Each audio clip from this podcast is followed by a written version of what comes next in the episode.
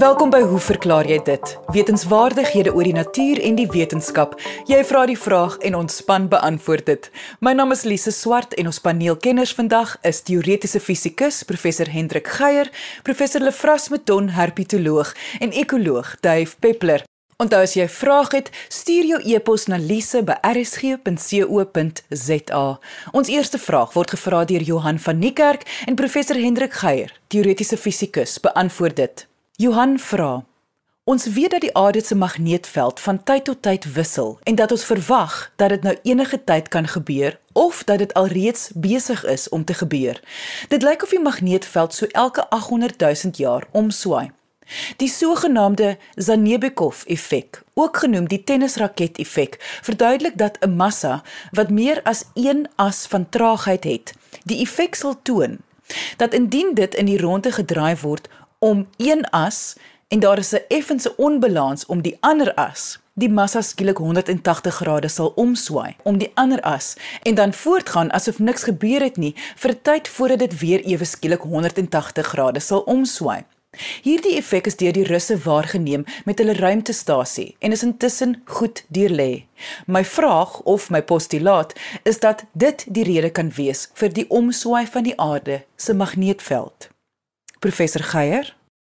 So die mees onlangse omswaai van die aarde se magneetveld was skynbaar omtrent 780 000 jaar gelede. Die navorsers wat hierdie stellings kan maak, kom tot hierdie slotsom deur noukeurig te kyk of wat hulle bestudeer is vulkaniese rots en gestolde lava wat in daardie tyd gevorm is en waarin die oriëntasie van kom ons noem dit nou maar klein magneetjies, stukkies yster ensovoorts, as dit ware vasgevries is relatief tot die aarde se magneetveld op daardie stadium. So deur nou na opeenvolgende lava rekords of vulkaniese rots rekords te kyk wat strek oor die tydperk waarin hierdie verandering plaasgevind het, is dit skynbaar moontlik om noukeurig as dit ware uit te stippel hoe daardie verandering van die magneetveld plaasgevind het want dit is as dit ware vasgevries in daardie uh vulkaniese rotsrekord. Dankie vir 'n vraag wat my hier op 'n soektog gesit het wat ek nou regtig baie geniet het. So ek moes meer huiswerk as normaalweg doen om ten minste iets te kan sê oor die vraag wat jy hier aan die orde stel. Kom ek begin deur jou aan te haal met jou verwysing na die sogenaamde Zanebekov effek wat ook soos jy sê genoem word die tennisraket effek en daar's nog 'n alternatiewe naam daarvoor dis die sogenaamde tussenasse stelling. Om die kloutjie by die oor te kry moet ons uh, miskien begin of kan ek begin deur te sê een van die beste bronne wat ek uh, kon naspoor wat my gehelp het om antwoord hier aan mekaar te timmer is een wat ek op die uh, bekende internetkanaal waar mense na allerlei videogrepe kan gaan kyk. Op daai kanaal as 'n mens nou die naam Z Nibekov, dis D Z H A N I B E K O V. As jy dit saam met effek in Engels intik, sal jy afkom op 'n uh, persoon wat werklike uitstekende uiteensetting hiervan voorhou uh, met baie netjiese opgeneemde uh, voorbeelde van hoe dit nou in in die praktyk eintlik uitsien.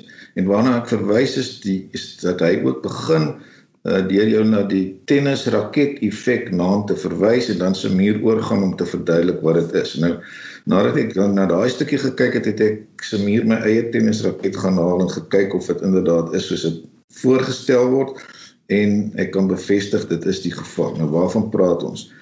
Dit gaan daaroor dat 'n tennisraket het drie sogenaamde rotasieasse of 'n mens natuurlik kan 'n mens 'n hele klomp kies, maar daar's drie natuurlike rotasieasse. Die een loop langs die steel of handvatsel van die tennisraket af. 'n Ander een lê parallel aan die kop van die raket en die derde een staan loodreg op hierdie twee. Nou waaroor dit gaan is as 'n mens die raket nou aan die draai sit, tipies in die eerste plek rondom die handvatsel en 'n mens sien as jy tennis kyk, sê jy sien uh, baie tennisspelers wanneer hulle uh, afslaan hou, verwag staan en draai die raket so in hulle hand in die ronde. Nou daardie rotasie is baie stabiel. So die raket maak nie allerlei snaakse bewegings nie. Jy weet presies weer waar jy waar jy die greep op die handvatsel gaan kry as jy hom op hierdie manier in die rondte draai. Tweede manier is om die raket eers met sy kop vertikaal te hou en dan te swaai of te draai op so 'n manier dat die kop na jou toe beweeg. Dit sien 'n mens baie keer as iemand so 'n bietjie gefrustreerd was met 'n hou dan hou hy die raket regop en gooi hom op. Hy tol een of twee keer en dan vang hy hom weer in die handvatsel. So dit is ook 'n redelik stabiele uh, rotasiebeweging. Die derde ene is nou as jy die raket probeer roteer rondom 'n as wat parallel aan die kop lê. So stel jou voor jy hou jou raket voor jou, die kop is plat en jy probeer dieselfde uh, omswaai beweging laat geskied as wat ek nou net na verwys het, maar die keer met die kop nou plat swaai. En wat jy uitvind is as jy as hy een swaai gemaak het, het hy in die proses ook omgedraai. So ek het dit gekontroleer deur eenvoudig uh, iets te plak op die een kant van die snare, die raket plat te hou, een keer te laat omswaai uh, of te laat roteer en oh. inderdaad wat jy agterkom is as jy hom weer vang, dan is die ander kant bo. So dit is hoekom hierdie hierdie verskynsel aan die een kant bekend staan as die tennisraket effek. Dit word ook gekoppel aan die Russiese ruimtevader Zanibekov en in die fisika wêreld sou dit ook tipies na verwys word as die tussenasse stelling en die tussenas het daarmee te maak dat as mens nou gaan kyk na hierdie drie asse waarom die raket nou kan roteer, dan kan jy vra wat is die sogenaamde traagheidsmoment in elke geval rondom die as. Nou die traagheidsmoment is rofweg 'n maatstaf van hoe ver lê die massa weg van die as waarom die ding moet roteer. Meer spesifiek as jy net 'n puntmassakie het, dan is dit die produk van die massa en die kwadraat van die afstand van die rotasie as en vir meer ingewikkelde konfigurasies kan 'n mens met daai uitgangspunt die sogenaamde traagheidsmoment uh, gaan bereken. Nou Johan, een rede hoekom ek dink hierdie Zanibekov effek of die tennisraket effek uh nie hier 'n rol speel nie. En terloops ek het gesoek en ek kon net een negatiewe verwysing hierna kry met ander woorde uh, 'n uh, stelling dat dit nie van toepassing hierop is nie. Is die feit dat hierdie omswaai van die aarde se magneetveld 'n uh, 'n baie langsamer proses is as wat tot relatief onlangs uh, vermoed is. So mense lees in vorige uh publikasies dat die omswaai van die orde van 1000 na 10000 jaar geneem het. Uh vir hierdie mees onlangse uitbarsting is hulle redelik seker dat dit ten minste omtrent 22000 jaar lank geneem het. So as 'n mens nou weer dink aan die tennisraket effek, dan is die omswaai gedrag is binne tydskale wat te maak het met die ander tydskale waarvan ons praat, die rotasiespoed ensovoorts terwyl In hierdie geval is dit eintlik 'n baie langsame proses. So 'n mens kan jou kwaliek voorstel dat die Zanibikov effek primêr die uh, beweegrede is vir hierdie omswaai.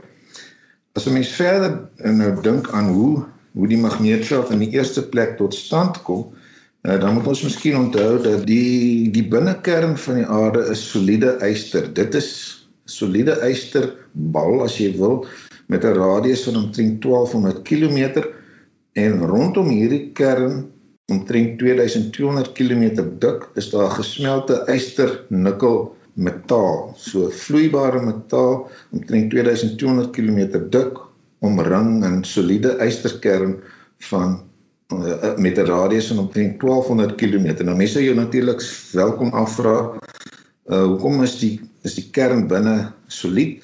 uh, want die temperatuur daar is heelwat hoër as yster se smeltpunt, maar die rede is die druk daar is so geweldig uh, dat die yster as dit ware nie met nou maar in leuke taal te sê nie kans kry om te smelt nie. So die binnekern is solied hmm. omring deur hierdie uh, vloeibare metaal en omdat daardie vloeibare metaal yster en nikkel ione het wat gelaai is, uh, het ons te maak met elektriese strome wat op hulle beurt weer magnetiese velde opwek. So dit is die primêre oorsprong van die bestaan van die aarde se magneetveld. En dis beslis nie agter op die Couvert tipe berekening om nou te voorspel hoe hierdie magneetveld omgedra nie. Ek lees wel dat van die van die mees uitgebreide numeriese berekeninge wat probeer om hierdie magneetveld van die aarde te modelleer, uh, kom tot die slotsom dat daar inderdaad 'n natuurlike wisseling van die oriëntasie is van die magneetveld. So dit is ten minste 'n tipe gedrag wat ook in numeriese analises na vore tree. So Johan, dankie dat jy my hier uh, op 'n pad gesit het wat werklik interessante fisika en waarnemings uh, na vore gebring het. Ek ek moet erken ek was nie self bewus van hierdie effek nie. Jy het skynbaar al oor 'n langer tyd hiermee geworstel. Um, ek kon geen bevestiging daarvoor kry dat ander mense in dieselfde rigting dink as wat jy dink nie. Ek het my eie bydraetjie daar probeer maak.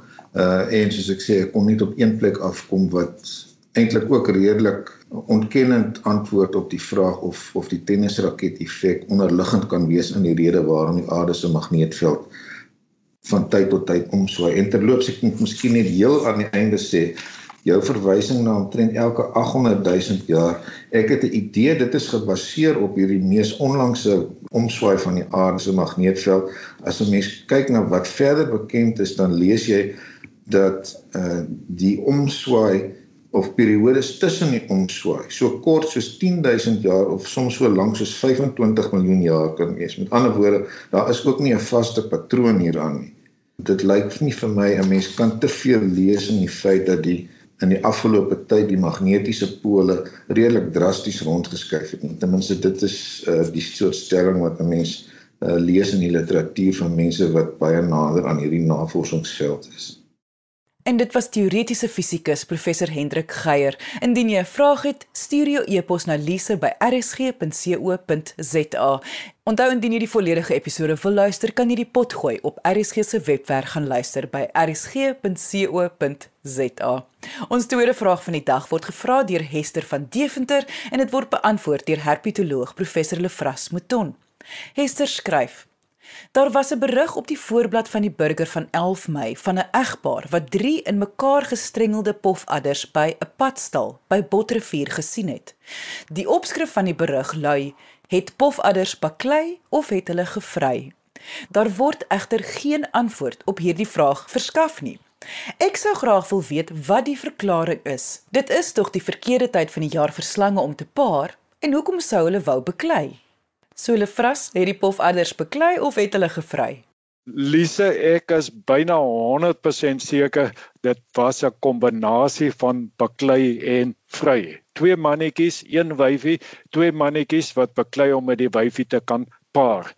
Drie mannetjies of drie wyfies, miskien nou, hoekom sou hulle nou baklei as daar nou nie 'n gevryery betrokke by is nie. Dit's mos nou net 'n vermorsing van energie en blootstelling aan predatore. Herfs is dan nou juis die tyd wat hulle moet vetvoorrade opbou vir die komende winter en hibernasie. Hulle kan nie nou nog energie mors om sommer net bietjie te baklei vir die vir die vir die lekkerte daarvan nie. Interessant genoeg die baklei gedrag van mannetjies, pofadders nou spesifiek, hulle lig die voorste derde van die lyf op en dan draai hierdie lywe so om mekaar en dan probeer die een mannetjie die ander mannetjie se kop afdruk grond toe. Lyk my nou die een wat dit nou reg kry, hy gaan wen dan nou die geveg en hy gaan nou die voorreg hê om met die dame te paar. Ek dink dit was 'n redelike voorreg om so iets te sien. Drie pofadders van alle slange wat nou so in mekaar gestrengel is. Ek self het dit nou nog nooit gesien nie en ek moet sê ek het dan so oor die jare baie ure in die veld spandeer met my navorsing op reptiele. Soos Hester genoem het Lefras, is dit nie die verkeerde tyd van die jaar vir hulle om te paar nie? Ja, voor ek nou daai vraag wil beantwoord, dink ek moet ek net vinnig so 'n bietjie agtergrondinligting oor voortplanting by pofadders gee. Hulle is wat ons noem vivipar of lewendbarend. Dit wil sê hulle lê nie eiers nie. Dit is mos nou ovipar, die vorme wat eiers lê. Uh, hulle hou die eiers terug in die liggaam. En dit is eintlik maar nou nog normale eiers met dooier en daar's eiermembrane of uh vliese om die eiers, maar daar's nou nie 'n dop nie. So die ontwikkeling vind dan nou binne in die wyfie plaas en dan wanneer die die embriootjies nou gereed is om gebore te word, dan word daardie bondeltjies uit deur die kloake uitgedruk en dan gewoonlik sal die klein slangetjies dan nou uit daardie membraan wrimmel en dan vat hulle nou of kry hulle dan nou koers. Soms gebeur dit dat hulle terwyl die die embryos nog in die oviduk is, hulle alreeds uit daardie membraan vrykom. En dan sien mens dat hierdie klein slangetjies dan nou gebore word, kom uit die kloake uit. En dit het nou aanleiding gegee tot 'n mite dat klein pofaddertjies deur die ma se lyf vreet na buite toe. Die kloake sit mos nou so entjie op want die die die wyfie het mos dan nou nog 'n stuk stert ook dan lyk dit of dit iewers in die middel van die lyf wat die kleintjies nou uitpeel. En mense kan nou dink hoekom uh hierdie mite ontstaan het. Soos ek gesê het, dit is net 'n mite uh en dit net uh, snert uh, want waar sal slange nou die klein slangetjies deur die ma se lyf kan vreet. By geboorte is die kleintjies so 150 tot 200 mm in lengte. Gewoonlik hulle so 20 tot 40 kleintjies op 'n slag. Dis nou eenmal 'n jaar en in buitengewone gevalle tot 80 kleintjies en die maksimum wat al aangeteken is, uh, dit was nou wel 'n gevangenskap is 156. Nou stel jou voor uh, 'n uh, wyfie pofadder hier naby jou huis skenk nou geboorte aan 156 klein pofaddertjies. Ek dink dit sal definitief tot slapelose nagte lei. Dan die wyfies, hulle lê so 'n feromoonspoor wanneer hulle nou gereed is om te paar. En dan die die mannetjies volg dan nou hierdie spoor. Dit is nou op die substraat wat hierdie feromone neergelê word.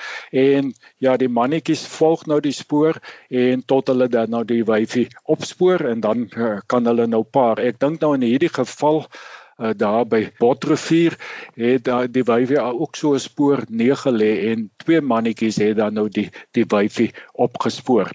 Nou by reptiele gewoonlik die meeste reptiele is die manlike en vroulike siklusse normaalweg gesinkroniseer. Nou as ek nou praat van manlike siklus, dan bedoel ons nou die die die testis siklus. Ons praat van spermatogenese, daardie proses waar die sperm gevorm word. Dit is seisoonaal en ja, dit piek dan nou op as op 'n gewoonlik wanneer die wyfies ovuleer. Die proses begin hierso in 'n herfs en dit verloop redelik lank en dan eindig daar in die lengte dan is dit die volwasse sperm daar en wanneer die wyfies ovuleer dan kan die eiers bevrug word. So die die mannetjies en die wyfies se siklusse is gesinkroniseer wanneer die wyfies ovuleer, is die mannetjies daar met hulle volwasse sperm. Maar by sommige reptiele is die siklusse nie gesinkroniseer nie. Spermatogenese by die mannetjies begin in die somer en piek dan in die herfs, nie in die lente nie. Dit is 'n hele paar maande voor ovulasie by die wyfies. So eh, dit is eintlik 'n baie snaakse ding by die wyfies bly dit dieselfde. Ovulasie is in die lente. Dit beteken nou dat die mannetjies en die wyfies dat hulle nou kan paar vanaf herfs tot in die lente mits beide geslagtes die vermoë het om sperm te kan stoor. Net as 'n mannetjie nou uh, in die lente paar, dan moet hy nou vanaf einde van herfs moet hy nou sperm stoor in die testis. Dit is word dan buise van die testis gestoor. Hy moet dit stoor tot ovulasie van die wyfies in die lente. So dan kan hy bevrug alhoewel sy testis op daardie stadium in 'n rusfase is, het hy volwasse sperm. Nou die wyfies as hulle nou in herfs paar dan moet hulle weer die sperm stoor tot in die lente wanneer ovulasie plaasvind en hulle stoor dan nou die sperm in die oviduk. So paring in hierdie geval kan nou enige tyd plaasvind vanaf herfs tot in die lente. Afgesien daarvan dit bly 'n seldsame gebeurtenis om popvaders te sien wat in in herfs paar. Mens sien dit meer dikwels in die, in die noorde van die land, maar hier in die suide nie baie dikwels nie. So ek dink dit was 'n eintlik 'n baie baie interessante waarneming wat hierdie egpaar daar gemaak het by Botrivier om om om slange te sien wat wel hulle het nou nie geweet hulle pa nie maar ek ek is 100% seker dat dat hulle besig was om te paar. Jy luister na hoe verklaar jy dit op RSG 100 tot 104 FM. En dit was herpetoloog professor Lefras Meton. Dit is nou tyd vir ons kitsvraag van die week gevra deur Marinda Du Plessis en beantwoord deur ekoloog Dave Peppler. Dave, Marinda soek advies om op haar eerste sampioensoektog seker te wees sy kies nie die giftige sampioene nie. So wat is jou advies? Die eerste stap wat 'n mens moet doen is leer van die giftige sampioene, want in Suid-Afrika is daar veral twee spesies wat absoluut dodelik is die en hulle is beide van die genus Amanita, Amanita phalloides en Amanita pantherina. Indien jy van hierdie sampioene sou eet, gaan jy baie lekker eet. Hulle smaak glo baie lekker. En dan so binne 6 tot 48 uur begin daar ewige maagkrampe, brake, diarree en en dan byna onblusbare dors. En dan voel jy skielik beter maar dit is dan 'n teken dat die gif sy werk begin doen en dan binne die volgende 24 uur is jou lewer en niere vernietig en 50% van mense wat hierdie sampioene eet sal sterf. En dit beteken natuurlik dat ons hiper hiper versigtig moet wees. Maar hier volg volgens my 'n rotsvaste kode vir die sampioenjagter 1. Memoriseer die kenmerke van die giftige sampioene vir al die dodelike spesies Amanita. Maak seker dat jy weet hoe hulle lyk. Vergelyk jou fondse versigtig met 'n illustrasie en 'n beskrywing. En dit beteken natuurlik dat jy 'n goeie veldgids en hier verwys ek natuurlik na 'n goeie veldgids. Onlangs het Strike Nature 'n briljante nuwe boek gebring, Mushrooms and Other Fungi of South Africa, en dit is 'n wêreldklas gids. Begin deur saam met 'n ervare persoon te werk.